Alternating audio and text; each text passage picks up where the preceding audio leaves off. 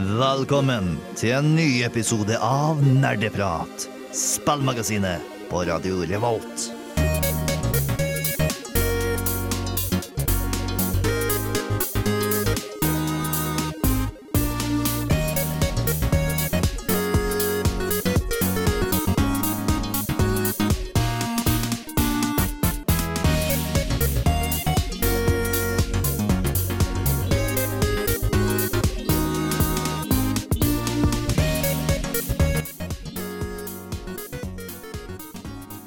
Yes, hallo, hallo, og hjertelig velkommen til en litt spesiell episode med Nerdeprat.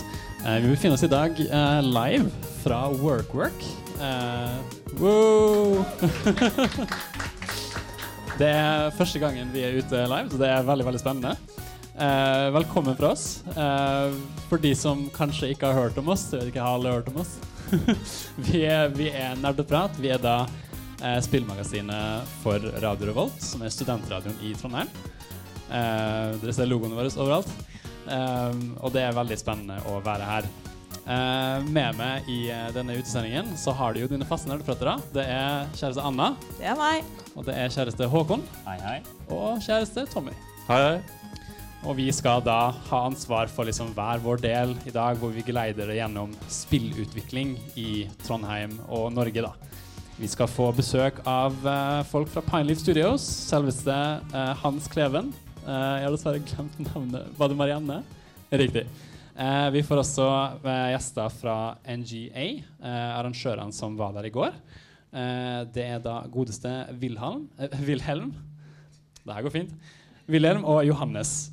Eh, vi vil også få eh, høre fra Markus Malmö Lange, som er eh, lærer for spilldesign på Sunnhordland folkehøgskole, og også med i Spillmakerlauget, styreleder for Spillmakerlauget. Eh, og til slutt så har vi da en gjest fra godeste Hamar Gamekollektiv, eh, som er Osan Drøsdal, som da er, eh, står for det grafiske i Perfectly Paranormal. Så åssen føler vi oss, folkens? Spent. Jeg har aldri vært på det her før, så jeg gleder meg sykt. Håkon? Nei, jeg vet ikke. Jeg bare, jeg bare er her, jeg. Nei, det, det, er veldig spennende. Det er et veldig spennende felt også med spillutvikling, og vi skal jo få se litt der. Tommy, alt i orden? Ja, det går greit. Ja. Klarer meg bra. Ikke så stressa som Ikke så stressa. Nei. Nei, Vi greit. tenker at det skal gå bra, eh, men at vi måtte gi hverandre i hvert fall et minutt i starten for å bare liksom få ut nervene. Eh, vi er tross alt studenter, eh, så det, vi er ikke profesjonelt utdannet til det her. Men vi skal gjøre vårt beste for å underholde dere, og vi håper dere kommer til å kose dere i løpet av hele sendingen. Eh, med det så kommer vi til å starte eh, med et intervju med Pineleaf, som da er Hans og Marianne. Eh, men før det så skal vi eh, trille i gang eh, med eh, sendingens første låt, eh, som er 'Blurry Precise' av Team Me. Og vi kommer straks tilbake her på Nerdeprat. Da er vi på. Ja, OK, kult. Da er vi tilbake. Med meg her så har jeg jo nå med Anna. Og så har jeg med meg dere fra Pinelife Studio. Uh, Hans Kleven og Marianne Etternavn Austvik. Austvik? Ja.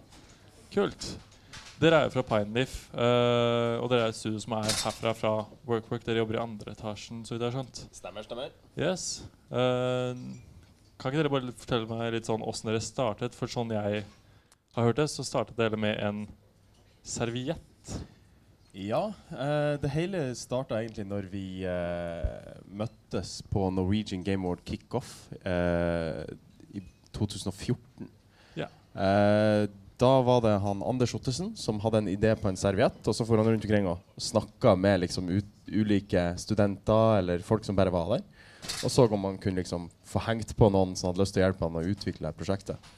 Eh, vi var da åtte stykk som fant ut at ja, det her hørtes egentlig ganske spennende ut, så det kunne vi liksom ta prøve å utvikle videre. Det var da noe helt annet. Det var et mobilspill som også skulle fungere på PC ehm, på det tidspunktet. Eh, og etter at vi på en måte hadde utviklet konseptet, så tok vi det til Norwegian Game Awards, hvor vi vant konseptprisen. Um, Og vi var så heldige at vi var bare to stemmer unna å vinne Gamers Choice. Og det her var uten noe som helst programmering eller noen 3D-modeller eller noe. Så da fant vi ut at ja, kanskje det var greit å prøve å gå videre med. Eh, så startet vi da selskapet i 2016 etter å liksom funnet ut at vi skulle prøve å ta det her ifra en eh, liksom hobby til å gjøre det litt mer seriøst. Eh, og i dag 22 ansatte som jobber med utvikling av spill. 22 stykker. Det er ganske stort. Det er en kul uh, utvikling. Gratulerer med det. Takk, Takk. takk. Ja, for dere var uh, først en del studenter uh, som jobbet med spillet. Ja, det var, det var noen studenter og så noen som eh, hadde jobb. Eh, og så har vi på en måte enten gjort ferdig eh, studier, eller så har vi slutta jobb Ja, ok. for å gjøre det. Mm. Så nå er, eh, nå er alle 22 faste ansatte og jobber på Pineleaf. Stemmer. Uh, hvilket spill er det dere jobber med? Um, vi har uh, Vi jobber med tre ulike prosjekter. Uh, vi jobber selvfølgelig med Dwarfame, som er vårt hjertebarn. Vi har jobba med det nå helt siden vi møttes på en gang. Eh, det er et asymmetrisk RTS, så det er kanskje en ny eh, vending og eh, måte å spille strategispill. Men vi har også nettopp lansert på Android og iOS et spill som heter Orbit Battle, som vi er ganske stolte av. Det er en mobilversjon av et brettspill som dere finner her på huset òg. Veldig, veldig artig. Og så har vi da noe annet i pipeline som vi ikke kan si så mye om. Ok, Så eh, to ganske store, kule prosjekter, og så et som er litt hemmelig. Det er kult. Um, du sa at uh, Dwarfham var et asymmetrisk uh, Coop RTS. Yep. Um, Åssen er det? Eller hva er det? Det Uh, vil si at du har uh, forskjellige klasser som jobber i lag. Um, men de har forskjellige roller, så alle har ikke den samme rollen og prøver å oppnå det samme målet. Så du har forskjellige ting som du må gjøre. Der er det asymmetrisk. Okay. Uh, RTS er jo fordi det er et real time strategy game. Så det er et strategispill à la Civilization. Mm. Ja. ja. Kult. Og eh, Hans, du er jo CEO-en i Pineleaf. Men Marianne, hva er det du eh, jobber med i forhold til dette spillet? Jeg er audiodirektør, og så gjør jeg en del på admin. Ja.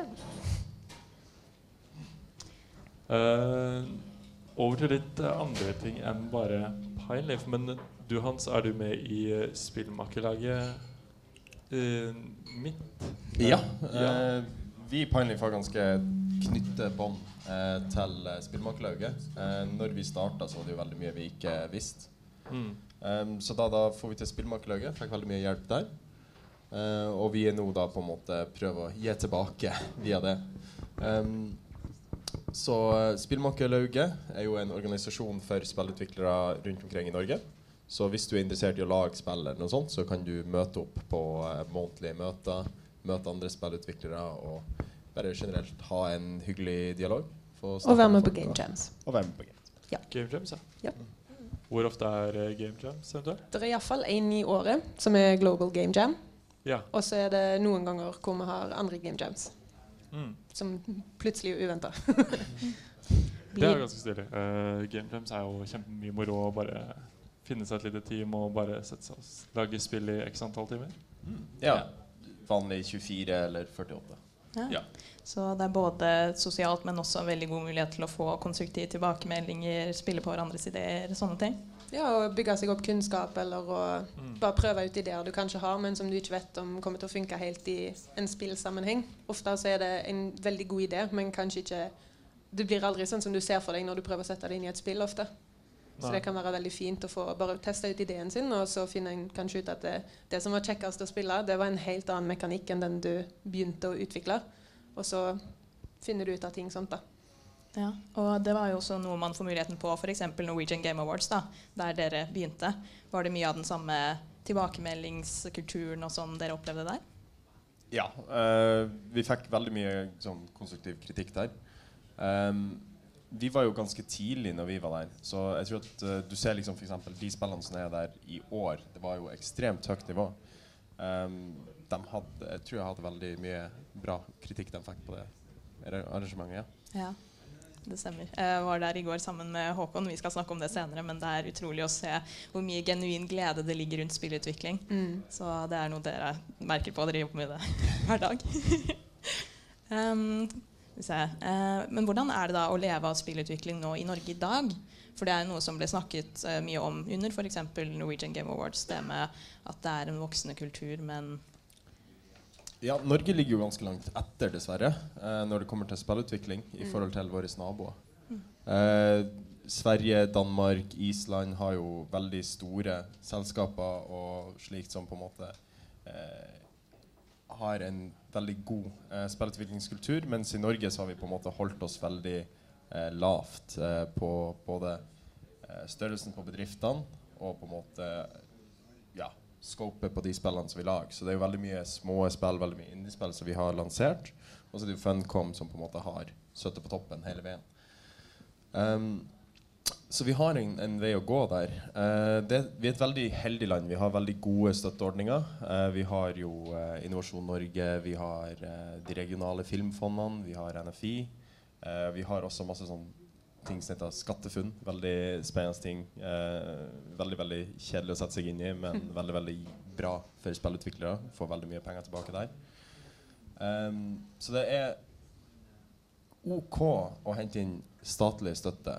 Eh, vi har et lite problem når det kommer til å hente inn privat kapital eller publishere, men uh, det ser ut som det begynner å bli mye bedre nå. Uh, og ja. ja, Så dere er framtidsoptimister når det kommer til spillutvikling i Norge? Absolutt. Ja. ja. Mm. Noen må jo begynne å få ballen til å rulle. Mm. Og at dere blir en del av de som får banen til å rulle? Eller er det allerede? Så det går greit å leve av spillutvikling? Det er en mulighet til å gjøre det? Altså, Abs absolutt. Um, Som det- alt annet så krever det veldig mye arbeid. da. Og det er masse å sette seg inn i, men eh, det går absolutt an. mm. Hva er noen av utfordringene dere møter på nå, selv om dere er etablerte? Um, det er jo alltid en utfordring det at uh, man trenger ofte å vokse um, hvis du skal på en måte ha mer uh, prosjekter. Uh, det å hente inn kapital er jo alltid en utfordring. Um, og selvfølgelig, eh, det er alltid en crunch med å få liksom lansert. Alltid, alltid fremover. Mm. Vet ikke hva du tenker? Jeg tenker det er mye det samme. Det, er, det kan være vanskelig å få folk til å tro på Norge hvis de kommer utenfra. Som at du er en spillbedrift som har store ambisjoner og fra Norge, fordi at de har ikke hørt så mye om Norge, og at Norge har satsa så mye på det. Så de tenker heller Hadde det vært Sverige og Finland, så hadde de vært med. Men Norge er litt sånn risky gambling-greier fra deres side. Og innad i Norge så er det litt for lite informasjon, tror jeg, ennå blant mange av de som er villige til å investere en del, til at de tør å satse på det. Så er det andre igjen da som er mer villige til å satse på det allikevel. Ta en liten gamble. Ser, ser mulighetene. Hva er noen av hovedfaktorene som dere ser hjelper veldig da for å få folk til å tro på det produktet dere skal levere? Uh, Tydelig framdriftsplan hjelper jo selvfølgelig alltid. Jo mer eh, organisert du er, og jo mer du faktisk viser at du har en plan og du har en, et mål og en mening si, med alt sammen. Du, har, eh, du kan vise til at ideen din har merit. Du har et publikum kanskje allerede. Du har begynt å samle deg inn fans. Ja, alt mulig. Um, generelt, det her er litt sånn eh, ah, Det er en litt sånn kjedelig ting å si, for det er jo ikke den ting som man har lyst til å si. Men du må liksom se på spillutvikling som bedrift. Uh, du må liksom si at vi skal tjene penger. Vi skal, kan liksom, hvis du skal investere i oss, så skal du få penger tilbake. Um, men det som liksom er veldig spennende når du snakker med investorer, er at hvis de har lyst til å investere i spill, så er det som regel ikke fordi at de har lyst til å tjene seg mega-megarik. Da kunne de liksom gått til boligmarkedet og gjort det. Så de er ofte veldig veldig interessert i spill. Veldig veldig engasjert og har liksom lyst på en, en god spillindustri. Um, og da, da har du veldig enkle investorer eller folk å jobbe med. Uansett om det er en publisher eller en investor eller lignende. Eh, Det er veldig greit.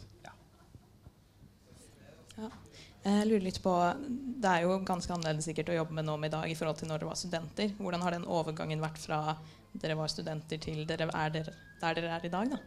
Nei, som han sa, så var det jo en del som jobbet allerede fra starten av. Og eh, etter hvert som folk har kunnet hatt fulltidsjobb bare med å jobbe på Pineleaf, så har det jo selvfølgelig gått mye lettere. Vi har jo fortsatt et par stykker som er studenter og trenger fri rundt eksamenssesongen, men det er færre og færre av de, fordi mange av de etter hvert som de blir ferdige å studere, velger å bli igjen hos oss. Så det er jo veldig positiv ting. Mm. Og da blir det mye mer tid og mye mer eh, stødig utvikling, da. Har dere møtt på noen sånne uh, hva skal man si, utfordringer sånn uh, personlig, sånn som en spillutvikler? Er det noen hverdagsproblemer, eller generelt kan det bli for mye av noe? Man har ikke tid til å spille spill. Å nei. det, det verste Ja, det er sant, ass. du, du er kanskje de som bryr dere mest om spill. Du leser alle nyheter, du ser liksom Og, og du, du får et helt annet perspektiv på spill når du gjør det. Ja. Så av og til så kan spill bli litt ødelagt for deg òg. Um, Mm. men hovedsakelig, du har, du har bare ikke tid. Så Nei. hver gang du liksom får tid til å sette ned med et spill, så er det alltid liksom sånn Men burde ikke jobba litt med mitt eget et nå som jeg har litt tid? Mm. Det er et lite lys der. Og da. Noen, eh, noen av oss er jo så heldige at eh, vi av og til får lov til å spille litt spill på jobb for å gjøre Oi. research. For å finne ut av hvordan de har gjort forskjellige ting. Gamemekanikker, lyder, art, implementering av alt mulig. Mm. Skjer ikke så ofte, men når det skjer, så er vi veldig glad. Det skulle ønske jeg kunne bruke den unnskyldningen når jeg sitter og studerer. bare, oh, ja, nei, jeg, jeg må gjøre research. Nå er det en halvtimes spillepause. Eh, Men vi har spurt mye om utfordringen. Hva er noen av de største gledene med å gjøre det dere gjør? Vi jobber med spill, da. Jeg, jeg syns teamet eh, er alltid det. Um, når du jobber med spill, så får du veldig mye Du, du jobber så kreativt, og du jobber med alt mulig forskjellige ting. Uh, vi har som sagt et veldig stort team, og det tillater at vi kan ha veldig spesialiserte folk. Så Marianne er jo supergod på lyd, mens vi har Erik Henten som er supergod på illustrasjon. Um, og så har vi Sigurd som er supergod på programmering. Og det er veldig veldig artig, fordi at alle som blir liksom føler seg litt smart eh, når de liksom snakker med andre folk. da liksom, De vet at de er liksom supergode på noe de ikke er. Og så er det veldig veldig god stemning på kontoret når de liksom føler mestring og, og eh, får lov til å jobbe med en herlig gjeng som det her. Det er en veldig fin krysskultur òg. Så jeg kan mye mer om både programmering og illustrasjon nå enn jeg kunne når jeg starta jobben. Fordi alle er liksom veldig villige til å snakke om det de holder på med. Alle brenner for det de holder på med. på en måte. Det tror jeg er noe av det jeg syns er kjekkest. Du jobber med folk som virkelig brenner for det produktet vi har, og det vi holder på med. Og veldig mange sitter i drømmejobben sin. Og det er veldig inspirerende å ha det hver dag. Ja.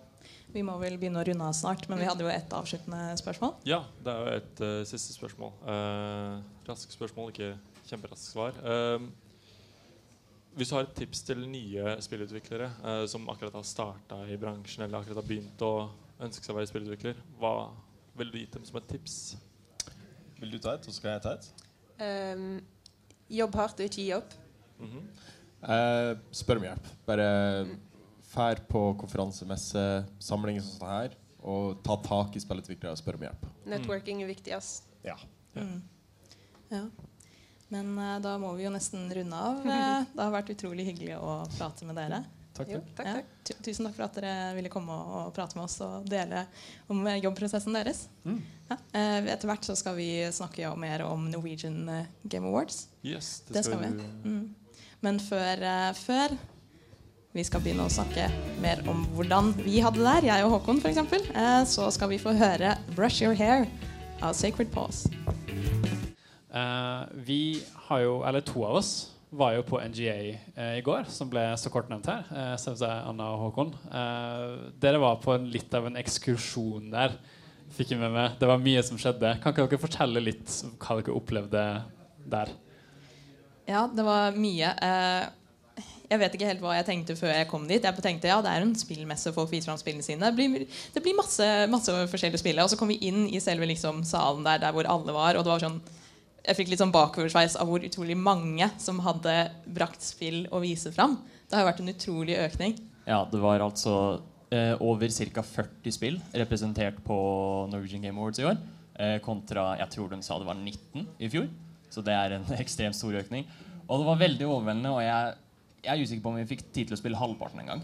Vi ble litt for opphengt i noen av de spillene som vi bare Å, det, ok, det må vi sette oss ned og prøve. Det var flere partyspill der, blant annet, som eh, vi hadde det veldig gøy med. Ja, for det, dere fikk jo en, en favoritt her. Det var et partyspill som virkelig slo an. Ja, i hvert fall for Håkon. Det var, um, det var et spill som snakka veldig til meg, og da, det var jo tydeligvis også alle andre også, siden den vant både fanpollen og Game of the Year-warden. Det er altså et spill som heter Last Shark Standing, hvor man blir på en måte Det er fire, to til fire haier som blir satt i en arena, og de blir utstyrt med hver sin fiskestang. Og så er det om å gjøre på en måte fiske hverandre av banen. Og samtidig som alt det her skjer, så er det utrolig masse andre wacky ting som skjer. Det kommer flodbølger og bomber og masse sånt. Og bare utrolig utrolig morsomt konsept, og ja, det var bare veldig artig.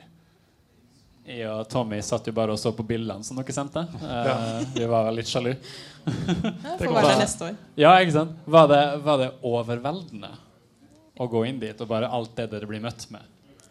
Ja, det var det jo. Eh, og vi hadde jo tenkt å liksom, Vi skulle jo være der for eh, studentradioen og gjøre litt jobbing, men det var sånn Hvor skal vi starte? Hvem skal vi snakke med først? Det var så mange kule folk der, så vi ble liksom opphengt i å å kanskje delta mer i den spillkulturen som vi så der. Og det var mye fantastisk. altså. Det var sånn Alle var der og var så gira for å prøve ut alle spillene og komme med feedback også. Det var utrolig kult. Ja. Er, det, er det noe spesielt dere husker? Eh, noe spesielt dere husker som dere tok med dere fra NGA? Utenom Last Shark Standing. Ja, det, det var jo det, Jeg var veldig overraska bare over hvor utrolig mye variasjon av spillene det var der. Um, et annet eksempel som jeg, jeg kjenner selv at jeg hadde blitt utrolig frustrert av å spille det spillet, men det var jo et veldig kult konsept. Og det er et spill som heter Pandora, um, hvor du på en måte har en sånn type kule som henger på deg hele tiden. Og så må du bruke den kula til masse ting. da um, og ja, jeg tenker at jeg hadde blitt veldig frustrert av å bli senka så utrolig mye. Men det er jo på en måte veldig symbolsk om f.eks. angst og lignende. Så, og så har du et annet eksempel, som også for så vidt er partygame, som heter Panchi. Um, som er Kall det en type Smash-klone, bare veldig simplifisert, slik at alle kan ha det gøy. Ja, jeg er selv ikke noen ekspert i Smash. Jeg har spilt det kanskje tre ganger og bruker tiden febrilsk på eh, delvis se ned på kontrollen og vite hva jeg skal gjøre, delvis bare se hvor folk er på skjermen. Men her var det, liksom, det var enklere design, og jeg følte at jeg lettere kunne mestre det. Så jeg var ganske fan av Panche også. Ja. Og det var så mye annet kult også. Vi rekker jo ikke å snakke om Ja. en tiendedel. Um, jeg vil også bare påpeke hvor utrolig flott jeg syntes engasjementet blant alle spillutviklerne var. Liksom når de gikk opp på scenen for å få en pris, så de var så ekstremt lykkelige. Og det var bare så fint, på en måte. Ja. Det er utrolig hyggelig å høre. Det, det, det er sånn jeg liker å høre at spillindustrien er. Uh, og vi skal jo få høre mer nå fra dere to uh, om eh, NGA. Uh, vi har vært så heldige å få med oss uh, Wilhelm André Mangersnes og Johannes Aasheim fra NGA, som skal være med oss her om et øyeblikk. Eh, mens I og Tommy vi får bare sette oss ned og, og kose oss, egentlig. Ja. Ja, det er ikke så mye mer å gjøre for oss. Nei. Eh, men dere, vil- dere vil i hvert fall få høre fra, fra Wilhelm og Johannes her straks, som var arrangørene på NGA. Eh, og da er det Anna og Håkon som vil lede dere gjennom det. Så da er vi straks tilbake. Før det skal dere få høre Hard Dance Brainia, som er en låt av Aiming for Enrique her på Nerdeprat. Yes. Da er vi eh. Da, da er vi tilbake igjen. Da er vi på. Perfekt. uh, ja, nå er det på tide å snakke om Norwegian Game Awards, som jeg og Håkon var så heldige å få være med på i går. Uh, og med oss så har vi jo Johannes Aasheim, som er prosjektleder. Hallo. Jo, hallo. Og vi har Wilhelm André Mangersnes, som er eh, kommunikasjonsleder. God dag. Det er kommunikasjonsleder eller kommunikasjonsansvarlig. Ansvarlig. Ansvarlig, ja. Ja. ok. Dere er begge ansvarlige personer og veldig engasjerte også. Det fikk vi jo se i går. Eh, og først og fremst tusen takk for at dere har jobba så hardt med det opplegget. Jo. Det Det var bare hyggelig. Jeg setter veldig stor pris på at dere har kost dere så mye. Som dere sa Det, det gjorde vi, og vi var ikke alene om det. ja, jeg husker bare det jeg nevnte også i går, hvordan rett etter Norwegian Game Awards i fjor, så var det en som kunne tenke på at det skulle skje i år igjen. Ja, så engasjementet er jo veldig stort, og det er jo veldig tydelig hvor bra det på en måte var. da. Ja. Men uh, først og fremst så er det jo kanskje ikke alle her som vet akkurat hva Norwegian Games Awards er. Så kan dere ikke fortelle oss litt om, om det? Yes, ok. Så Norwegian Game Awards er da Norges største spillutviklingskonkurranse for studenter. Så den er på en måte veldig todelt den dagen. Eh, det vil si at det blir ei messe først, og så etterpå så er det på en måte premieutdeling for studentene som har lagspilt til konkurransen. Så målet vårt med å arrangere dette er jo da å inspirere studenter til å lage et spill. De som kommer som publikum. Men òg å motivere de som allerede har lagd spill, til å på en måte fortsette å bli en del av spillindustrien. Kort fortalt. da. Mm. Eh, hvordan startet Norwegian Game Awards? Hvordan ble det til? Husker du? Ja, det, Det jeg tror det ble starta for elleve år siden. Ja, ja, ja, det, før, før dere ble med der, men eh, det, det er jo en del av det som heter Start NTNU. eh, En studentorganisasjon på, her på NTNU eh, som har ca. 40 medlemmer nå. Og har holdt på siden 90, 99.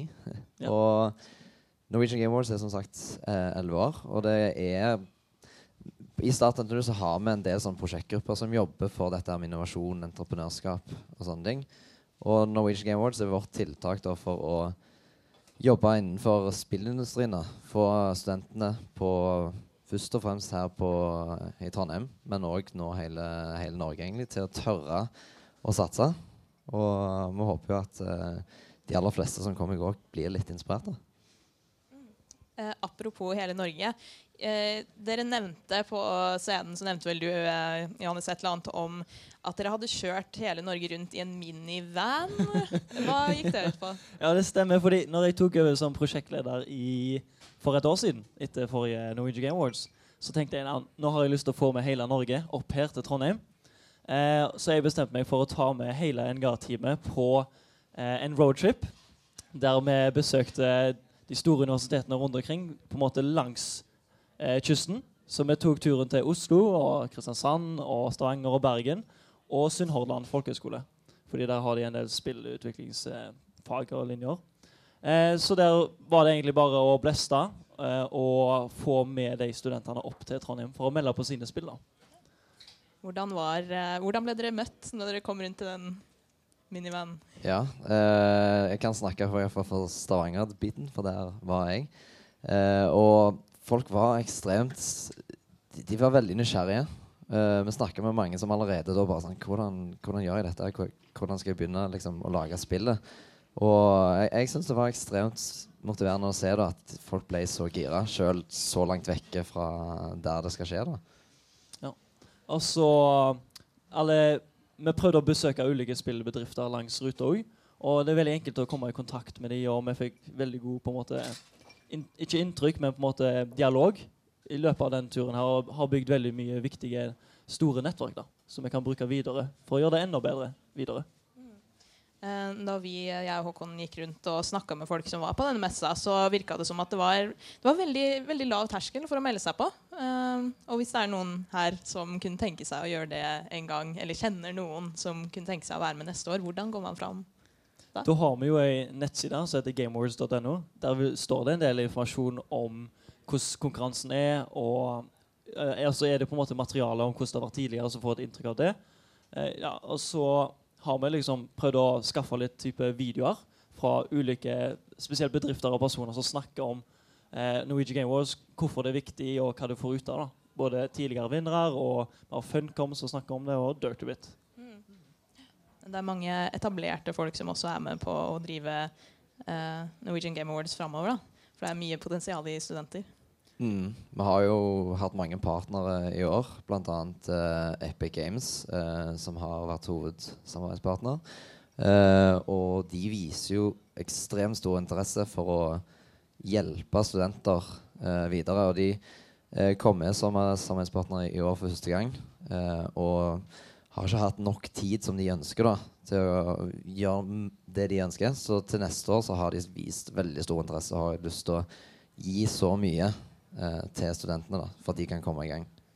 Ja, så vi gleder oss veldig til å samarbeide videre med Epic Games og involvere dem mer i den norske spillindustrien òg. Kult. Nei, det var en liten teaser for neste år. Da, altså. det er mer å vente der. det, det er spennende. Um, men ja, kan dere fortelle litt om den utviklingen?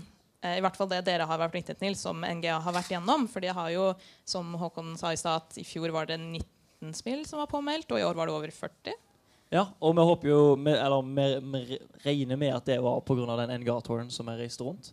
For vi ser at de ulike spillene kommer fra de plassene vi da har besøkt. Så, så det er på en måte en stor game changer, game changer i det måten vi har jobba på. da. Ja, og det at det har vært en tredobling òg, syns jeg er ekstremt, ekstremt gøy å se. Eh, jeg begynte å gå på NGA i 2015. Og så har det vært litt sånn stagnering i antall påmeldte spill. Og i fjor, da når vi hadde totalt 19 påmeldinger, så var vi egentlig ganske Jeg satt ikke i NGA da, men vi var ekstremt glade i start. Eh, at det var så mange som viste interesse.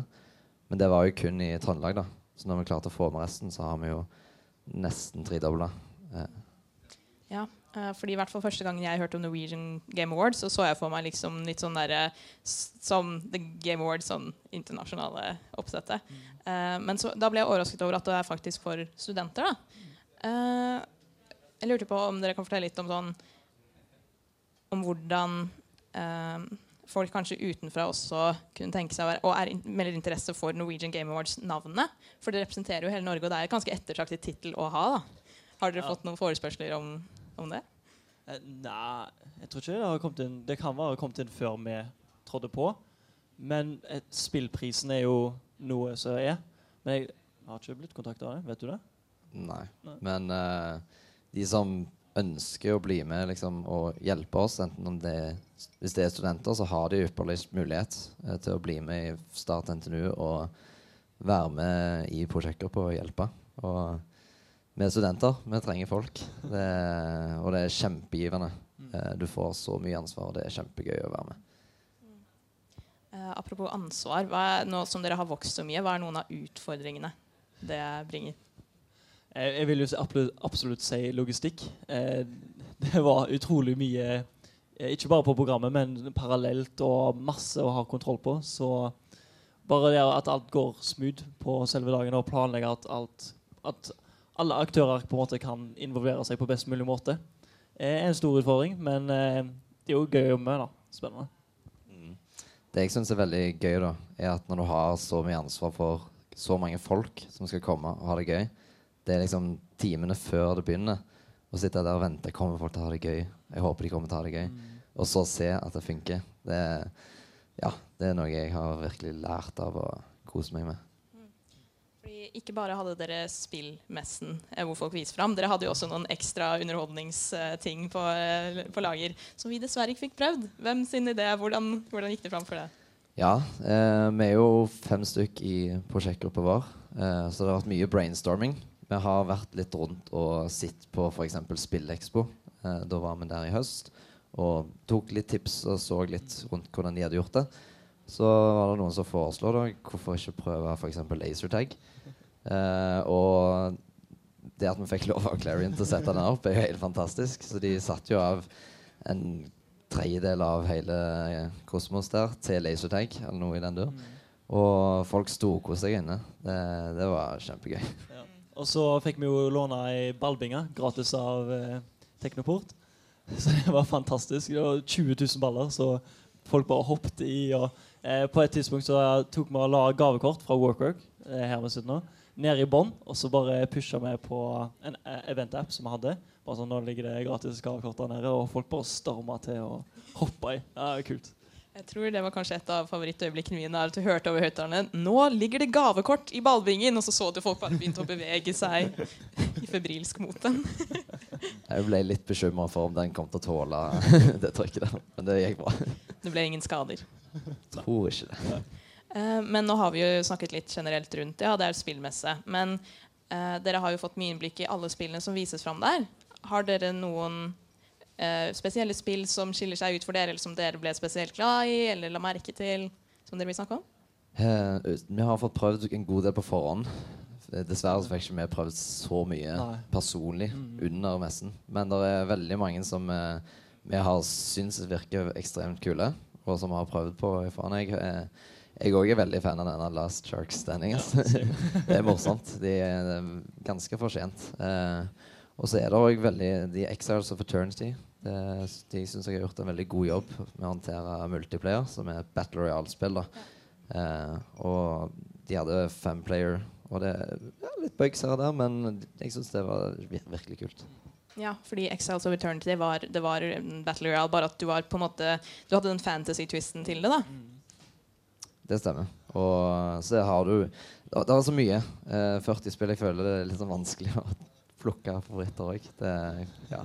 Det er sant. Og juryen hadde en eh, stor utfordring der når de måtte gå gjennom alle de 40 spillene og vurdere det. Jeg har hørt at det var mye høylytte diskusjoner på, på bakrommet før vinneren skulle velges. Så det er kult.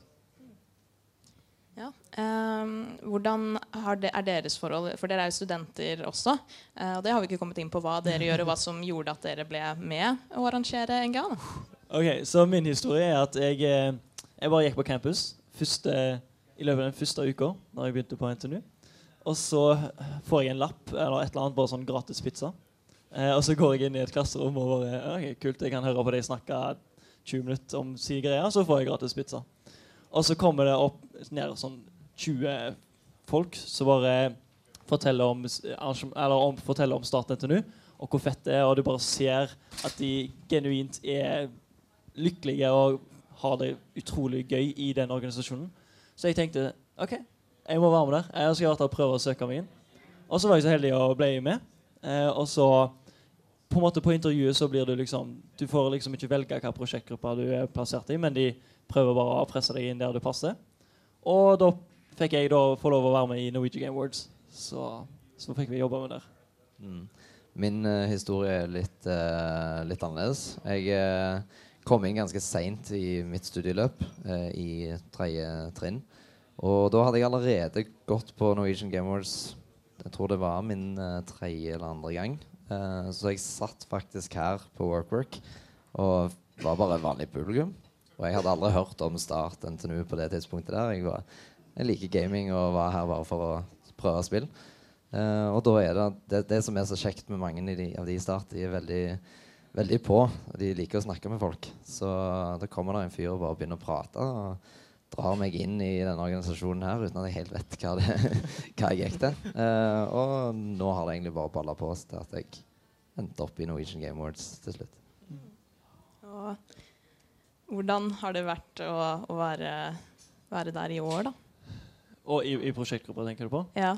Ja, det, Vi har et fantastisk team eh, som vi har jobba veldig tett sammen med.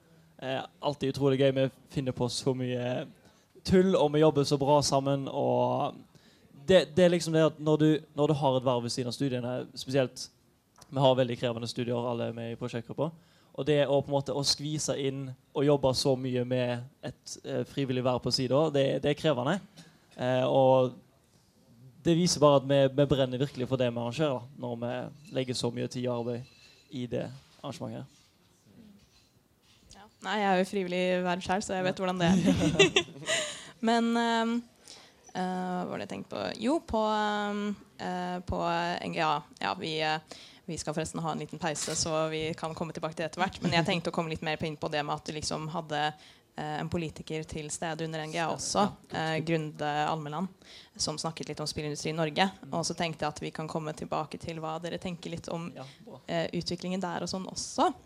Eh, men eh, vi skal ha en liten pause før vi snakker videre. Så eh, før vi snakker videre, så skal vi få høre en låt. Vi skal høre 'Put Your Hands Up for Neo Tokyo' med 'Sea of Hearts'. Yes, da, oh, da er vi tilbake igjen.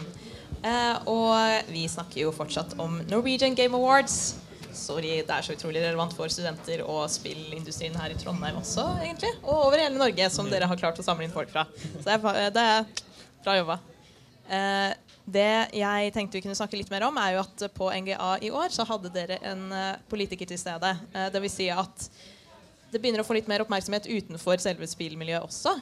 Kan dere snakke litt om hvordan eh, den prosessen var å få huka tak i? Uh, ja. Uh, OK, nice. Eh, så det begynte med at eh, jeg prøvde å få Trine Skei Grande til arrangementet. For jeg tenkte kulturministeren er alltid fett å ha på, på et sånt arrangement. Så da eh, var jeg faktisk i, på Studentersamfunnet eh, en random dag. Så jeg bare tenkte jeg får gå ned og snakke med henne. Og så eh, traff jeg henne, og så bare pitcha jeg Norwegian Game Awards til henne. Eh, og hun var gira, så da fikk jeg e-postadressen hennes. Sendte henne en formell invitasjon. Eh, så var hun så gira på å komme, så hadde hun det satt opp i, i kalenderen. Men så måtte hun dessverre melde avbud, så da fikk vi heller Grunde til å komme på arrangementet. Ja. Eh, som var en stor suksess. Ja. Eh, likte veldig godt den talen hans eh, og engasjementet hans for framtida for spillutvikling i, i Norge. Eh, han er en av forkjøperne for det nye initiativet som Kulturdepartementet tar nå. Og vi kommer til å ha en, eh, en god dialog med han framover for for å på en måte blande inn Norwegian Game Wars i dette. da. Ja, for uh, han snakka jo om på en måte dette arrangementet, og han nevnte at vi selv, vi eh, som ønsker å drive med spillutvikling, kan selv sende inn typ ønske for tiltak. Og at dette um, Fristen for dette var 26. april, var det? Ja, stemmer, jeg tror det var det. Um, hva går egentlig dette ut på? Oh, jeg, jeg har ikke satt meg helt eh, inn i det, men jeg vet det på regjeringen.no så ligger det ute det, det greiene du kan sende inn. da. Eh, så vi, vi kommer til å jobbe sammen nå etter arrangementet. Først skal vi jo ta og på en måte evaluere det og på en måte lære på en måte av feil og på en måte hva kan vi gjøre bedre. Og så kan vi på en måte legge fram en form for strategi da, eh, sånn vi kan ta med til, til dette departementet. Ja. Mm. Eh, jeg syns det er veldig positivt at man har fått eh, interesse for spillutvikling i Norge på politisk nivå også, med tanke på ja, finansiering f.eks., med tanke på at du får for med, mer medieoppmerksomhet også. Fordi medieoppmerksomhet er jo veldig viktig både for det når det skal preste arrangementer, men også for å få mer oppmerksomhet i spillindustrien. Har dere merka mer av liksom, eh, hvordan aviser eller andre har hatt interesse for eh, opplegget i år? Ja. Eh, mange har vist interesse, men det er fortsatt veldig vanskelig, litt for vanskelig å komme igjennom til spesielt de store. Det er veldig mange uh, små, mindre medier som er interessert. Vi har hatt litt, uh, har hatt litt pressetekning, men det er liksom oftest de her spillmagasinene. Så jeg skulle gjerne likt å sitte at de, eh, de litt større mediene har lyst til å blande seg litt mer inn for å vise, vise dette fram. Mm. For det, det er veldig viktig, og jeg, jeg likte veldig godt dette her han sier om at vi, vi satser veldig mye på kultur, men det er ikke alle, alle skjønner ikke at spill er, liksom, det er så kulturrikt.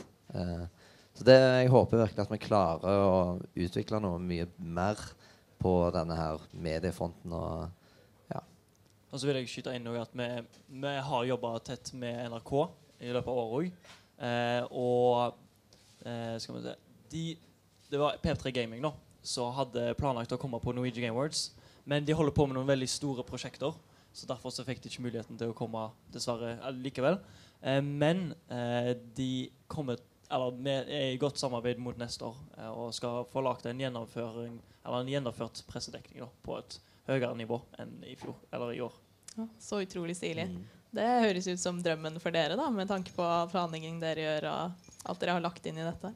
Ja, og det, hvis, hvis vi hadde fått uh, få med noe sånt, så er det jo det gratis PR for oss utover òg. Og det hjelper oss å slippe vi kanskje gå på en til turné. Eh, men uh, med, an, med, på, ha- Oi, nå var det mye her. Med tanke på politikere og sånn, så har vi også, eh, er vi òg i dialog med fylkeskommunen.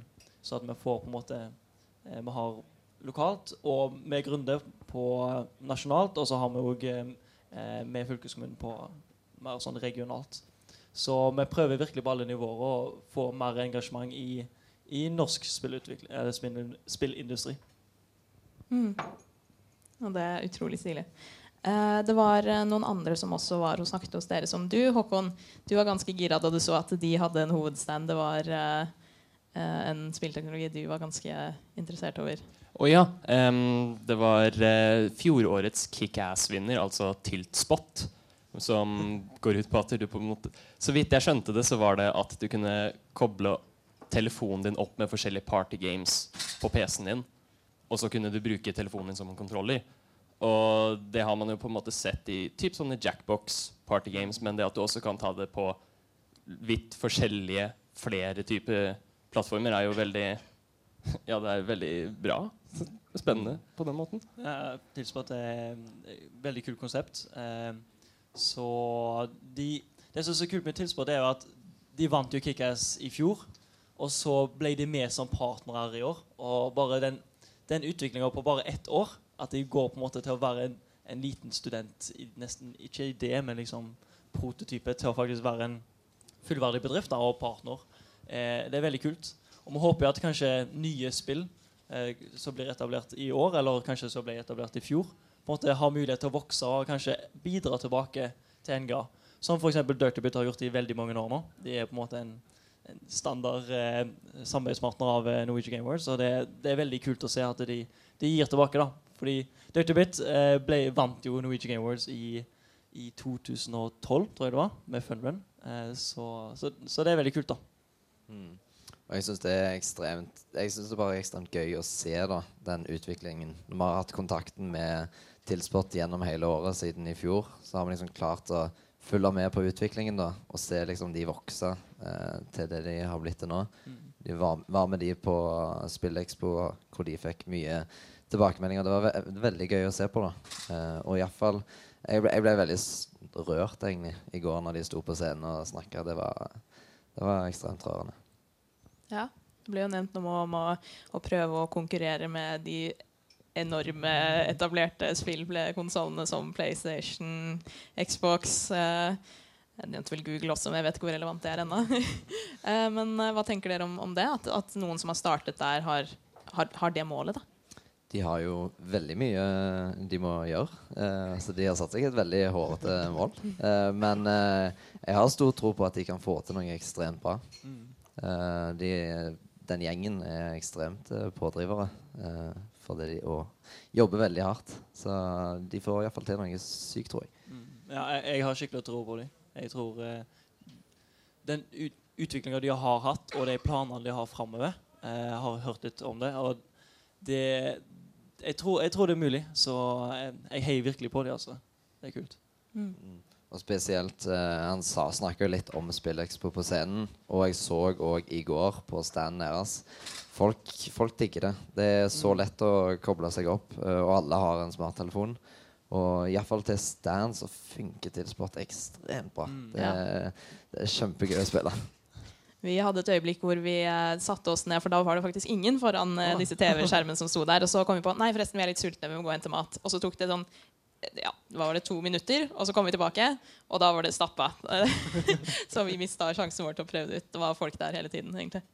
Det, det, det var kø for å prøve det ut. Eh, og det ble vel også nevnt eh, en, en historie av noen oppe på scenen om at dette var noe som eh, en sønn hadde eh, hva var det? Vært, vært et sted for å spille for det første Ja, det var vel, jeg tror det var på Spillekspo eller noe sånt. Han, jeg tror han snakka noe om å spille Fortnite, eh, men så var han heller veldig mye mer opptatt av å spille Tiltspot i stedet. Så det er jo veldig tydelig at dere her på en måte er et marked, og at dere er folk som er interessert i Tiltspot, så bra for dem. Ja, og apropos liksom SpillExpo Vi sto med andre Det var flere som har vært med på Norwegian Game Awards tidligere, som hadde stand der. Og vi sto der ved siden av og hadde egentlig ikke så mye å bidra med fra Norwegian Game Awards. Vi sto og bare delte litt Ja, delte litt ord om oss. Men vi så Det jeg syns var så spesielt kult, var å se alle spillene, hvor mye de blomstra der.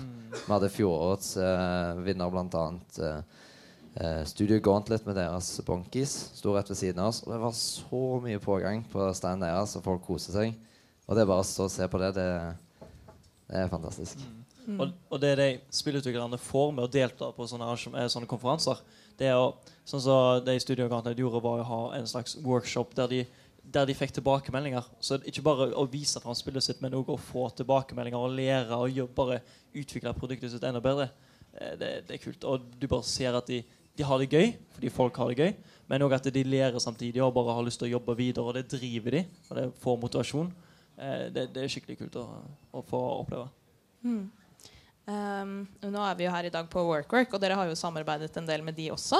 Uh, det har vi ikke snakket så mye om ennå, så jeg lurte på om dere kanskje kan informere folk litt om hvordan det er å jobbe med Workwork, og hva det har å si for spillindustrien her i Trondheim. Ja, eh, så jeg tror egentlig Norwegian Game Awards har jobba med Workwork nesten så lenge det har eksistert. Det, Workwork er jo en av de mest fundamentale på en måte spillutviklingstreet, i hvert fall i, i, i Trønde, Trøndelag. Eh, så det er veldig kult å på en måte ha muligheten til å samarbeide så tett med dem. Eh, de har hjulpet oss veldig mye. De har mye eh, traction. Og, og oss personlig, da, som prosjektleder av Norwegian Game World, så har eh, jeg og spesielt med Marius Thorvaldsen, som er head of eh, Workwork, har vært eh, i dialog gjennom hele året, da, sånn at vi må, eller i hvert fall nesten ukentlig bare utveksler på en måte hvordan kan vi gjøre det bedre, eh, og bare på en måte få pakka den konferansen som vi leverte i helga, eh, best mulig. da. Eh, for i år så I forhold til i fjor, da hadde vi jo bare på en måte den spillekspoen og spillmessa og den premieutdelinga som dere opplevde. Men i, på fredag så arrangerte vi òg eh, en nettverkskveld for spillutviklerne eh, på, på Gløshaugen på NTNU. Eh, og der på en måte prøvde vi å, å gi dem noe mer enn det vi gjorde i fjor. da. Så det er på en måte det samarbeidet med WorkWork går ut på. Og bare hvordan kan vi gjøre eh, Norwegian Game Awards bare enda bedre for de som deltar der. Mm. Mm. Og som prosjektmedlem kan jeg jo si det at jeg har virkelig sett hvor mye Workwork har betydd for dette arrangementet. Vi, med, som prosjektmedlem så får ikke vi være med på disse møtene, men vi, kommer, vi hører alltid om disse møtene i ettertid og har lange slekke oppdateringer eh, etter disse møtene med Johannes og Marius på Workwork, hvor de har diskutert et eller annet nytt kult som de, skal prøve å implementere på Norwegian Game Awards. Mm. Så de har jo virkelig gjort mye for oss her. Ja, altså eh, De er på en måte den type samarbeid Vi har veldig mange samarbeidspartnere med på Norwegian Game Awards, men Worker er på en måte den, samarbeid, Det er ikke bare en samarbeidspartner, det er på en måte en sparringspartner òg. Og det, det er helt fantastisk å ha noen så etablerte. Så hvis på en måte eh, Når vi hadde problemer med å finne lokaler og sånn fordi at eh, vi hadde et lite luksusproblem. Fordi vi, det kom enda flere spillutviklere enn det vi trodde på den nettverkskvelden. Jeg trodde kanskje det skulle komme sånn 40 stykker, men så var det sånn interesse for sånn 160. Så det var sånn ja, Hvor skal vi være nå? Eh, så da er det digg å ha på en måte noen som er etablerte og på en måte eh, kan gi oss masse muligheter og råd da, til å utføre dette på best mulig måte. Og det, det er workwork. Så det med at det kom så mange flere enn det jeg trodde, var det også åpent for at folk som ikke var påmeldt, men bare liksom er interessert i spillutvikling generelt, kunne være med på dette? Nettverkskvelden det var på fredag, eh, dagen før selve arrangementet. Og det var ikke helt åpent for alle. Der har vi spesielt invitert eh, si, akadem akademikere og, og alle spillutviklerne som kommer på lørdagen. Så der fikk de gjennomgå mye workshops blant annet, og foredrag fra bl.a. NFI, som snakker om hvordan å søke støtte. Uh, Kickass investering snakker òg litt om deres uh, investerings... Uh, det de gjør. Og litt andre ting som skulle på en måte forberede de litt på lørdagen. da. Og det var der det viste seg å være mye større interesse enn det vi så for oss, og det er jo kjempebra. Ja, bare, Det var egentlig pga. Eh, plassmangel. Rommene var ikke store nok til å, å ta inn flere. For vi, vi vil jo gjerne at bare inkludere mest mulig, men vi har jo vi, På den akkurat der som var litt sånn Det kom i litt siste liten, så måtte vi finne plass. Og så, vi har jo veldig lyst til å få med så mange interesserte som mulig, men eh, da måtte vi bare få inn akkurat NGA-deltakerne på den. Kanskje et prosjekt for videre at man kan åpne, gjøre det enda mer åpne og ha enda mer tilbud for folk som ikke er etablerte eller har lagd spill selv, men som er interesserte i det, da, i tillegg til selve messedagen. Absolutt. absolutt. Jeg husker spesielt fra den eh, fredagskvelden så Tilbakemeldinga vi fikk, var på Pineleaf. Eh, Hans han var akkurat. Eh, han hadde et foredrag eh, litt om det å starte på en måte et spillselskap og, og drive det. da. Eh, og erfaringer de har på en måte eh, fått. Og litt sånn tips og triks og feller du må unngå. Og vi hørte at dette det var veldig, veldig bra for de å høre før de på en måte begynner med den prosessen. Liksom, skal jeg lage et spillselskap? Skal jeg ikke? Skal jeg liksom ta det videre? Og nå har de på en måte fått liksom, ikke et kart, men de har fått litt muligheter da, for å hvis de har lyst til å ta det videre. Og jeg tror det har motivert mange av dem. Så det, det er veldig kult å se. Det har vi jo lyst til å åpne for enda flere. da. Så NGA er bare altså, et utrolig kult prosjekt. Eh, og jeg kommer personlig til å ville dra tilbake neste år. Og det tror jeg veldig mange vil snakke om. Og kanskje flere her som enten har vært der eller ikke vil være der, vil, eh, vil støtte dere videre.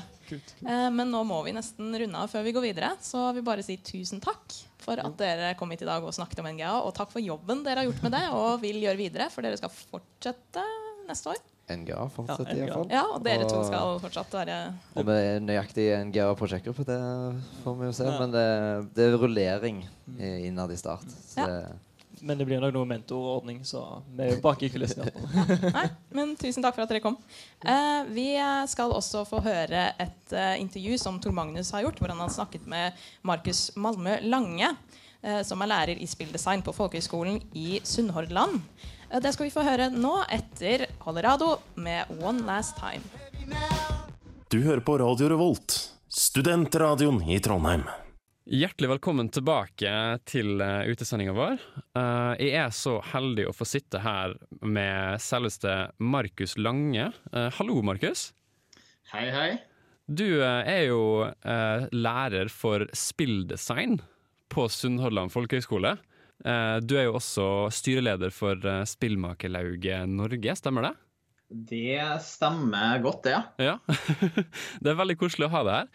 Um, vet du hva? Jeg, jeg syns det å være spilldesignlærer er, høres veldig spennende ut. Men hvordan føles det egentlig å ha ansvar for å utdanne framtidas spillutviklere?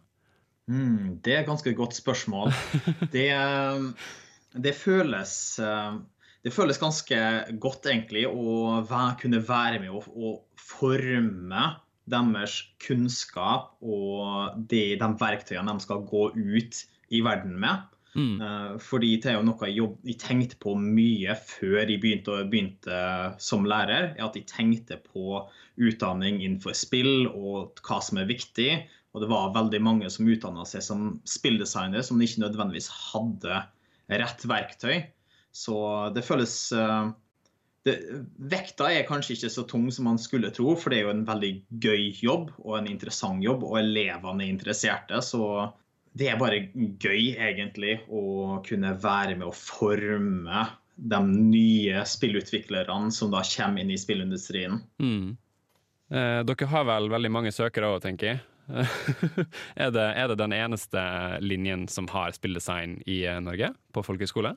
Uh, nei. Uh, vi var jo den eneste i flere år, men i 2014 så åpna, starta det tre linjer, og nå finner du om lag en syv stykker som omhandler spilldesign eller spillutvikling. Så vi er ikke den eneste lenger. Nei, riktig. Jeg tenker eh, Videregående skoler har jo nylig, noen av de i hvert fall, innført spillfag i pensum, eller som valgfag.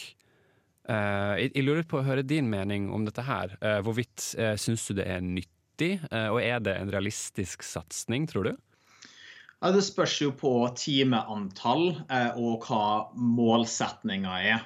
Hvis målsetninga er at man skal sette seg ned og lære å tenke eh, som en spillutvikler tenker på design, brukervennlighet og sånt, så tror jeg at det er absolutt verdt det. Fordi det er kunnskaper man kan ta med seg videre til egentlig hvilke som helst fagområder.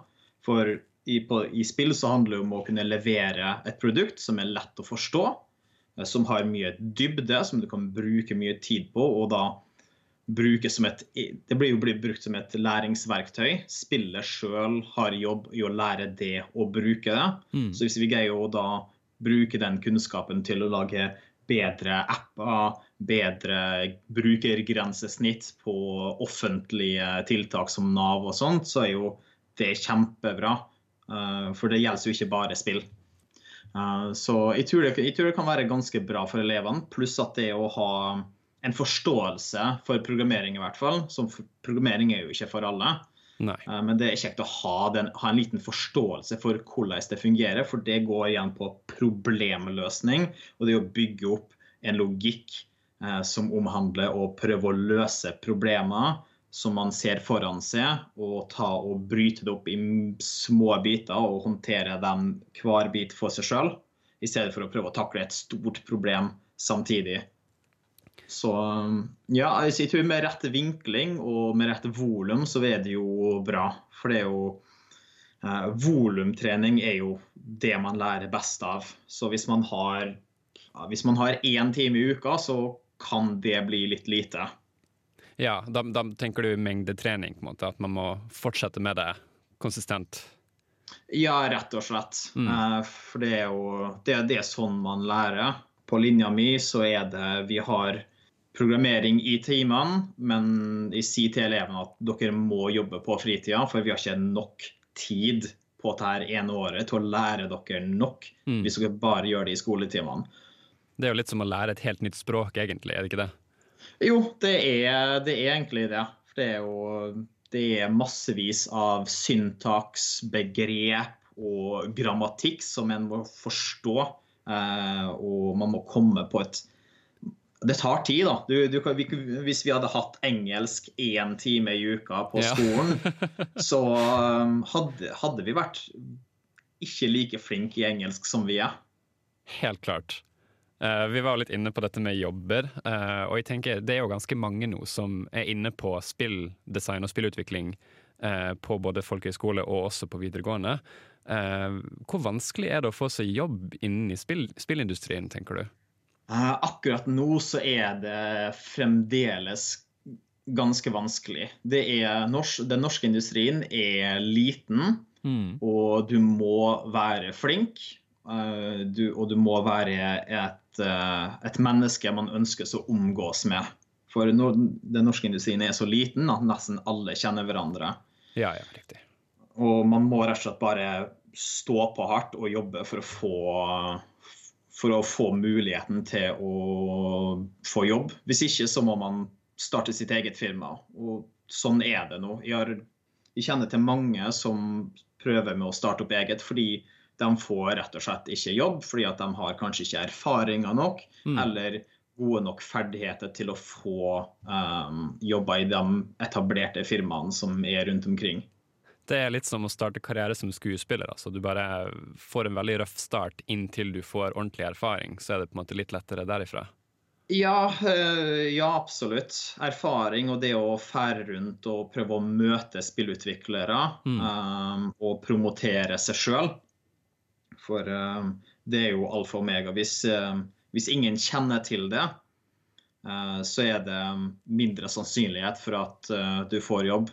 For i, i spillmedisin så Hvis vi hører om en jobb så, og, og, som vi vi kjenner noen som driver med det, så er det ofte at vi da bare tar og anbefaler den jobben til denne personen. Mm. Eller i hvert fall gjør personen oppmerksom på at det er en mulighet. Men tenker jeg litt på, på spill i undervisning. Eh, det er jo veldig spennende å tenke på hvordan spill brukes i undervisning. Uh, er det et spill som du ville brukt som eksempel i din undervisning, og hvorfor? Ja, det spørs jo litt på hva man vil, eh, vil formidle, da. Eh, så jeg bruker en del spill i skoletida. gjerne av litt nyere spill òg, for å holde det litt relevant for, for ungdommen. Ja. Men da for å vise godt design, eh, god eh, skriveteknikk, eh, interessante løsninger på spillutvikling og designproblemer. Eh, så for meg så er det jo veldig naturlig. Men jeg vet jo at det er blitt mer og mer vanlig å bruke spill eh, rundt omkring i verden i utdanning når det gjelder tema som historie, matematikk Absolutt. og diverse. Mm, mm, absolutt. Har du noen eh, konkrete eksempler? Uh, jo, altså jeg vet jo at eh, det var vel Assassin's Creed Origins, Mm. der de skulle komme ut med en versjon av spillet som ikke hadde noe spillmekanismer i seg. Det men du, du kunne bare vandre rundt og observere verden, og det er jo veldig fint fra et historieperspektiv, for de har jo gjort grundig, uh, gru, grundig research på å gjenskape noe som reflekterer virkeligheten så nært som mulig.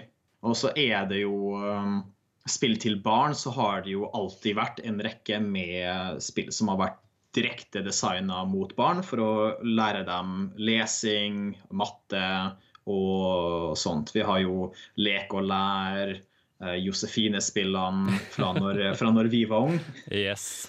Um, og nå er det jo ja, Det kom ut i fjor et norsk eh, spill fra Megapop, jeg, som handler om å lære seg, eh, lære seg matte. Det er jo veldig kjekt eh, å kunne lage den typen eh, spill som da er retta mot opplæring. Eh, og jeg tror vi kommer til å gå gjennom mange faser i løpet av de kommende 10-20 årene der vi raffinerer evnen vår til å lage spill da, som vil hjelpe til med læring. Ja, det er jo et veldig eh, interaktivt eh, medium eh, sammenlignet med si bøker, hvor det er veldig enveis. Ja. Så du blir veldig veldig og- stimulert. Ja. Og det, er jo spill, det er jo det som er kjekt med spill. Der hvis du syns at et tema er litt kjedelig, så blir det sjeldent mer spennende av å sitte og lese ei lærebok. Word. Mens spill, ja, men spill kan jo engasjere på et uh, høyere nivå. For du, ja, du, du bidrar med mer enn bare din evne til å tenke på matte. Du har det, det er visuelt, du har lyder inne i bildet, det er gjerne litt taktikk som er involvert, avhengig av hvordan spillet er satt opp. Mm. Eh, og så får du uh, gratification, du får en pris da, for å ha gjort det bra. Og jeg, jeg tror i hvert fall nå til dags uh, så er jo det veldig viktig. Det er jo litt synd at vi må få noe for å, for å gjøre litt matte, men det er jo sånn samfunnet vårt har endt opp med å bli, der vi krever å bare få noe for å ha spilt et spill eller for å ha gjort litt matte. Hvis ikke så gidder vi ikke å gjøre det. Så jeg husker når jeg var liten, så satt jeg og spilte et amerikansk mattespill der hver gang du klarte noe, så fikk du, eh, fikk du fyrverkeri og tommel opp av superhelter som eh, da prøvde å lære deg matte og trengte hjelp fra det til å ta ned superskurker via matte. Ja, det er jo veldig koselig, da. Ja, ja det, det, for, det skaper et høyere engasjement og lettere å bli interessert i det. Sånn, det, det er jo litt lureri, egentlig. eh, Fordi man sitter her og spiller det fordi at det er et gøy spill, og så har man blitt sniklært matte. Mm. Det er jo mange som kritiserer eh, spill som et læringsmedium, sammenlignet med da bøker, f.eks. Hvordan tenker du spill eh, vil bli brukt i undervisning i fremtiden, og hvordan vil du at det skal brukes i undervisning i fremtiden? Um, godt spørsmål. Um, for spill er jo Spill får jo veldig mye kritikk fordi at det er det nye mediumet. Uh, og alle nye medium får kritikk. TV fikk kritikk når det var nytt, og det fikk radio. Til og med bøker fikk kritikk når det kom som ny teknologi. Man skulle liksom bli asosial og dum av å sitte inne og lese bøker i stedet for å være ute og være sosial, liksom. Ja, det var ukjent, rett og slett. Ja, rett og slett. Jeg tror det, det er vanskelig å spekulere på hvordan det kommer til å påvirke samfunnet vårt, fordi denne typen teknologier tar alltid uforutsette retninger og greier å bli bakt inn i samfunnet. Og samfunnet bryter ikke ned selv om folk spiller spill, men det bare tar en ny form. Eh, Samfunnet tar en ny form med spill da, som eh, står på agendaen. Um, men jeg vet jo at det er interess, interesserte der ute som driver og jobber med å bygge spill, lærespill som gir poeng. Sånn at uh, i stedet Dette har jeg også hatt en del samtaler med folk om, om fremtidens skole. Der vi kanskje går bort ifra å ha karakterer og har poengsummer i stedet. Eh, Så i stedet for å starte på 100 mulige poeng på en prøve, og så får du kanskje 70 poeng, så bygger du opp en poengsum fra hvor bra du har gjort det, og tar med det videre i løpet av året. Så har du samla opp en viss poengsum, og når hvis poengsummen er over dette punktet, da blir det karakter 4, f.eks. Mm. Så det er jo definitivt mange muligheter. Jeg tror skolen kan bli veldig annerledes, men det er vanskelig å spekulere på hvor, hvor langt denne endringa kommer til å gå. Um, jeg, tror, jeg tror det er en veldig god idé å ha mer spill uh, til å engasjere i hvert fall de elevene som er vanskelig å engasjere i fag de bare ikke har interesse for. Mm. Men jeg tror det også er viktig å ikke ha for mye, fordi for mye skjermkikking er jo mentalt uh, utslitende. og variasjon er viktig. Det er jo også grunnen til at det er veldig viktig å ha uh, gym på skolen, fordi det er et avbryt av å sitte inn i et avlukka lite rom, du får litt frisk luft og litt bevegelse. Litt eh, balanse er nøkkelen. Ja, egentlig. Vet du, Det var all tiden vi hadde for intervjuet, eh, men tusen hjertelig takk eh, for at vi fikk lov å ha det med, Markus. Dette var veldig lærerikt. Er det noen avsluttende ord eller noe du har lyst til å si til hva skal jeg si, fremtidens spillutviklere? Uh, Det er stå på, jobb hardt. Ikke bare konsumere eh, spill.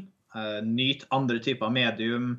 Reis, reise, gå på turer, opplev verden og livet. Fordi det er der vi får kreativiteten til å lage nye, interessante spill på. Så eh, lev livet og jobb hardt. Mm. Veldig fine ord. Vi er straks tilbake her på Nerdeprat, men før det en liten låt.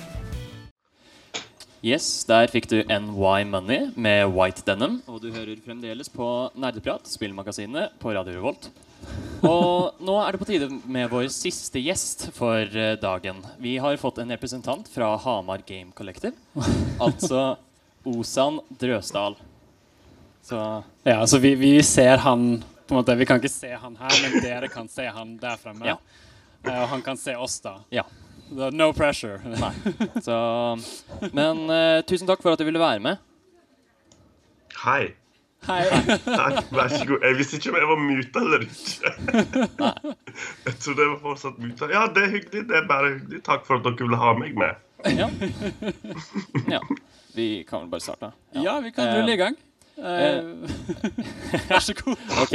Um, ja, jeg kan vel starte med Før vi går litt mer inn på Hamar Game Collective, så For du er jo med i spillselskapet Perfectly Paranormal. Um, Ja, hva er din jobb der? Eh, jeg er prosjektleder, animatør. Jeg er litt av hvert siden vi er såpass lite selskap, men eh, det meste jeg går ut på å bestemme hva som skal skje, og hva folk skal si i spillene. Og nå i vårt siste spill, siden det er et ganske mye større puzzlespill, så har jeg òg eh, tatt på meg ansvaret med å designe en del puzzles til det spillet. Ja. Um, ja, du nevnte det med å skrive dialogen og sånt. Og da tenker jeg at jeg også bare kan gratulere deg for uh, BAFTAen i forhold til My Child Lebensborn. Ja, takk, takk. Grat- gratulerer. Det var seriøst utrolig Eh, kult å høre. Ganske fett. Takk. Ja. ja. Bare, bare for de som ikke vet, kan du kort forklare hva My Child Lebensborn er? Uh, my child, ja. Jeg er ikke den beste til å gjøre det, fordi jeg var eh, Det jeg gjorde på My Child Lebensborn, er bare et brøkdel av arbeidet som gikk inn i spillet. Alt jeg gjorde, var å skrive dialogen. Men eh, det handler da om Lebensborn-barna i Norge etter krigen. Mm. Det er et mobilspill. Det er ganske annerledes enn det jeg pleier å jobbe med ellers, for det er et veldig seriøst spill, og jeg lager jo vanligvis veldig whimsical humorspill. Ja, hvordan var det her? For dette var jo mye mer Jeg har jo spilt det selv, og det var jo eh, mye mer alvorlig. ja, veldig alvorlig. Em, jeg jobber i lag med Katarina, som er, som er prosjektleder i det spillet. Mm. Og vi jobba mye sammen når vi skrev dialog. Og ja, da måtte Katarina ofte inn og slette noen vitser. jeg vet ikke, det er et eller annet med meg og Alltid så tenker jeg ja, men det hadde vært litt morsomt hvis han sa det, og hun bare Det skal ikke være morsomt! men jeg har sneket inn et par, da, sånn at det er litt lighthearted av og til. Em, så ja, ja, det var helt annerledes. Det var liksom det helt på den andre sida av eh, seriøshetsmeteren, Ja. hvis det er en ting. Ja, for det forrige spillet dere lagde, var vel da Manual Samuel, som eh, kort oppsummert er vel en fyr som gjør en avtale med en skateboard-elskende djevel, som sier at hvis du klarer å overleve i 24 timer med å kontrollere alle lemmene dine manuelt, så skal du få lov til å komme deg ut av helvete. ja.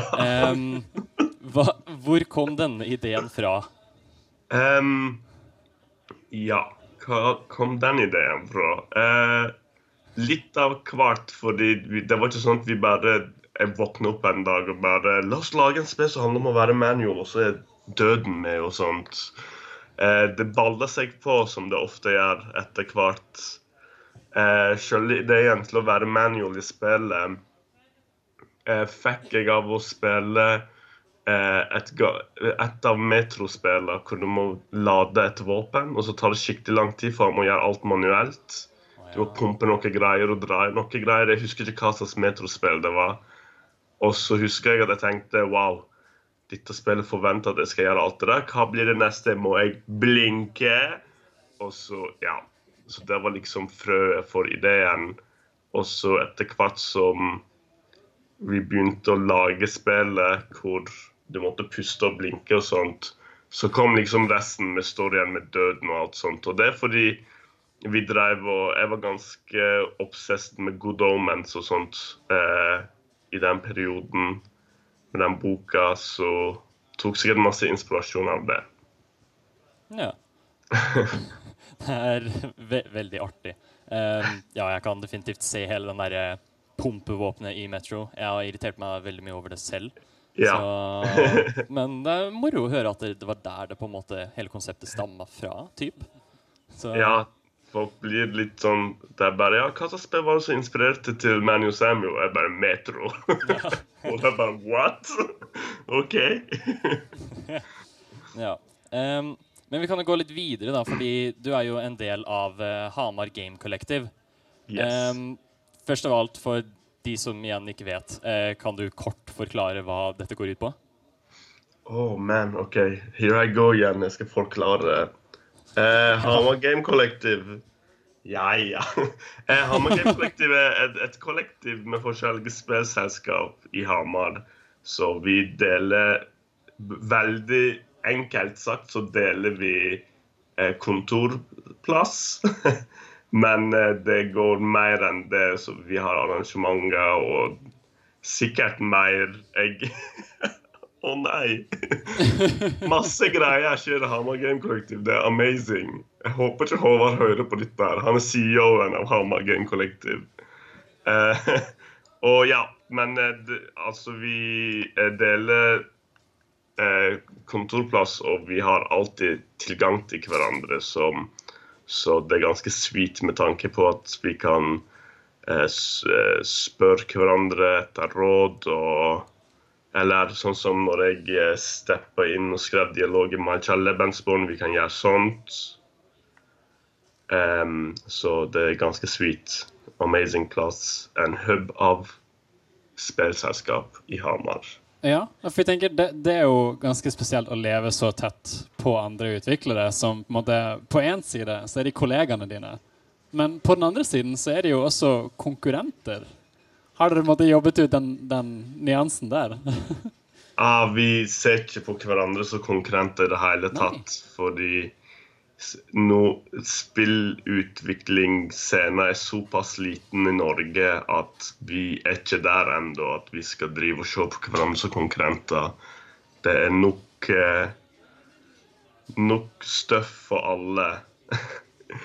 og vi lager òg veldig forskjellige spill, og vi ønsker ingenting annet enn suksess egentlig til alle som lager spill i Norge, fordi eh, i det stadiet vi er i nå, så vil det bare være positivt for alle andre som lager spill. Det er ikke sånn at vi stjeler business fra hverandre fordi vi er så få til å begynne med. Hvis bare alle kunne tenket sånn, så kunne vi hatt en bedre verden. Men uh, ja. Det er, det er veldig bra tankegang, syns jeg. Mm. Så, Vi snakket jo litt om utfordringer som spillutviklere møter. Og, Håkon. Mm. Ja. Um, men vi har snakka litt om eh, utfordringer som nye, ferske spillutviklere møter. Men er det på en måte noen problemer som dere etablerte spillutviklere møter, som ferske spillutviklere kanskje ikke gjør? Hmm. Nå er jo vi rimelig ferske fortsatt. Vi er på spill nummer to. Vi er fortsatt et veldig lite selskap. så, så etablerte som vi er versus superferske spillutviklere, er det noen problemer vi møter på. Ikke, vi har ikke møtt noe ennå, men jeg kan se for meg at eh, f.eks. copyright og sånt er sikkert noe superferske folk ikke trenger å tenke på, som kan være et problem for mer eh, eh, seasoned spillutviklere. Jeg hørte om at man f.eks. måtte skaffe seg en trademark og sånn over mange, mange forskjellige land, fordi eh, hvis spillet ditt ble stort nok, så risikerte du at folk kjøpte den trademarken i sitt land, og så måtte du liksom kjøpe den fra deg igjen og sånt. Sånt kan visstnok skje, men det har ikke skjedd med oss ennå. I guess vi ikke er etablerte nok. Det er litt sånn skrekkscenario. ja, ja, jeg vet ikke hva annet liksom, problemer En annen ting er vel Hvis du er helt fersk, så trenger ikke du å Jo, det er kanskje en ting. Av og til så tenker jeg, i hvert fall når jeg skriver eh, dialog eller lager gameplay og sånn, så tenker jeg sånn Å, jeg gjorde det sånn i Manual Samuel, så jeg kan bare gjøre det sånn igjen. Eh, mens hvis du er helt fersk, så har du en helt blank ark, så du kan komme på hva som helst uten å Altså, det er både positivt og det kan være negativt at jeg er ganske opptatt av at spillet våre egentlig liksom Du skal se at det er samme selskap som har laga dem, men eh, ja, av og til så kan det hende det blir hemmende for eh, crazy ideer du ellers kunne ha fått, I guess. Så det kan òg være en ting. Ja, ja. Hvis det ga mening i det hele tatt. ja, ja. Um, ja, det, det er interessant å høre. Um, jeg, jeg vil jo si at dere er på en måte etablerte med tanke på at dere, dere nå er ute på markedet, og særlig også kanskje etter Michael Lebensborn. Um, men ja. Ja. Men jeg, jeg tenker eh, Dere har jo Du, du sa dere er på et andre spill nå. eh, Som heter da Hellheim Hassle. Yes. Uh, er det her sånn strictly confidential, eller er det noe du kan fortelle oss om eh, Hellheim Hassle som, som ingen Eh, av dere kan vite? Eller? Nå, nå har vi kommet ganske langt i spillet og sagt ganske lite om spillet. Mm. Og jeg tror det er på tide å fortelle folk om det, og kanskje til og med få litt hype. Så Ja, men det er godt å eh, høre. Da. Ja. ja, så de som hører på dette, gå og sjekk ut Helheim Hassle. Vi har en eh, vi har en Facebook, tror jeg. jeg tror vi kanskje har en Facebook. Hvis ikke så kan dere sjekke ut Perfectly Paranormal på Twitter og Facebook, hvor vi eh, kommer til å Og Instagram, hvor vi kommer til å poste mer om spillet. Det er da eh, på en måte oppfølgeren til Manu og Samuel. Eh, fordi det er i samme univers, eller i samme dag til og med. Så Manu Samuel starter jo med at det er tirsdag, last Tuesday, forrige tirsdag. Og Helheim Hassle er, begynner på akkurat samme måte at det starter forrige tirsdag. Um, så dere kan se masse ting som har skjedd og skjer i Manu Samuel i bakgrunnen og sånn noen plasser. Um, nå har jeg sagt masse om spillet uten å fortsatt si hva det er for noe. Det er et um, uh, puzzle-plattformerspill. Eller det er egentlig et narrativt spill, sånn som Manu Samuel, med puzzle-platforming elements. Og i samme tone så handler det for det meste om kroppsdelene dine. Så i Manu Samuel så kontrollerte du alle eh, kroppsfunksjonene dine manuelt. Mens i Helheim Hassle så må du eh, folk eh, styre lemmene dine én og én. Så du spiller igjen et lik som har blitt eh, resurrecta. Og da må du f.eks. ta av deg armen din og styre armen til å gå inn et lite hull og dra i en spake for, eksempel, for å åpne en eh, dør. Eller du må kaste hodet ditt opp en plass som du ellers ikke hadde nådd. Og snakke Fikk vi snakke med etablert hvor disse ideene kommer fra? Um, For det, det er jeg veldig nysgjerrig på å høre. Det, det er jo veldig kreativt. Det er utrolig sært, men dritkult. Denne ideen er faktisk rett ifra en eh, anmeldelse av Manu Samuel som formulerte ganske dårlig hva spillet var for noe. På, på anmeldelsen så hadde de skrevet Manu Samuel et spill hvor kroppsdelene dine lever sitt eget liv. Og så tenkte jeg nei, men kult. Kanskje vi skal lage det òg.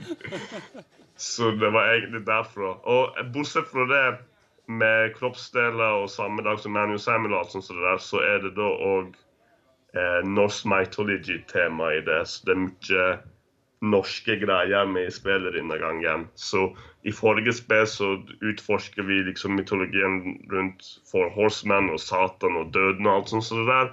Og nå har vi med norrøne guder og hvordan de dealer med at det er 2019 i Perfect, et absurd univers som den vi skapte i Manuel Samuel.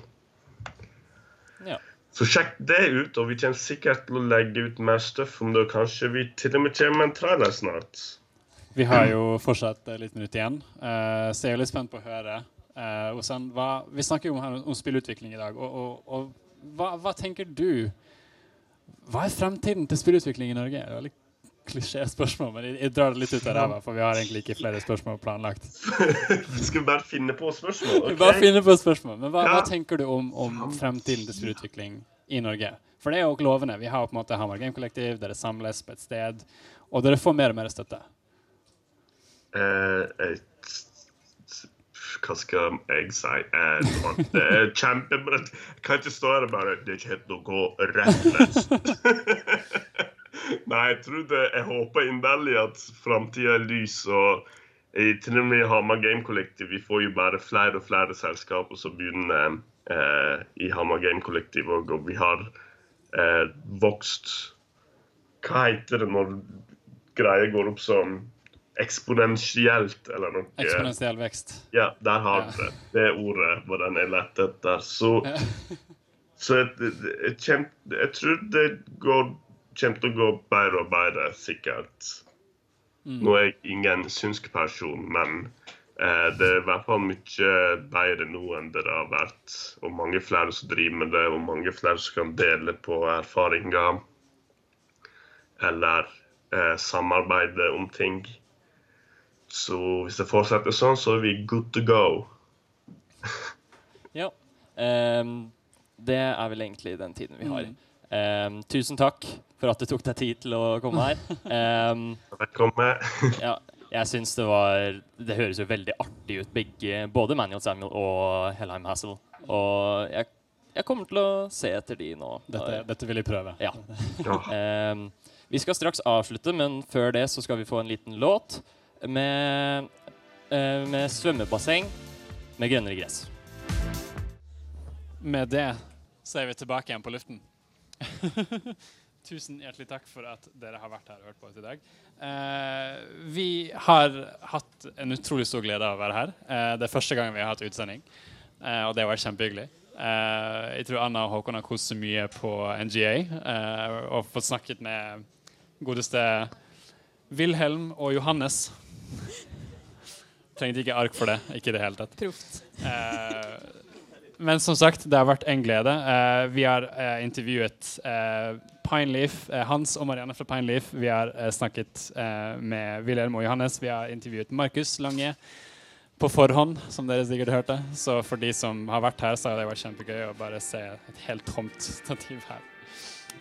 og vi hadde da Osan Drøsdal fra Perfectly Paranormal, som da jobber med Hamar Game Collective. tusen takk til alle de.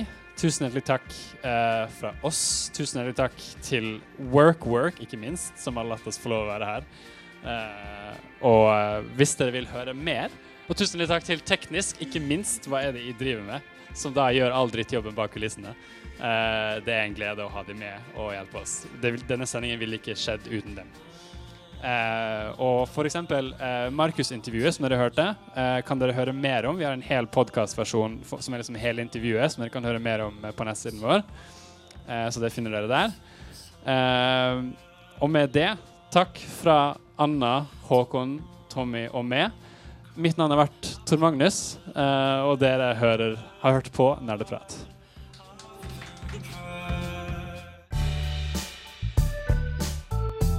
Du har lyttet til en podkast på Radio Revolt, studentradioen i Trondheim. Sjekk ut flere programmer på radiorevolt.no.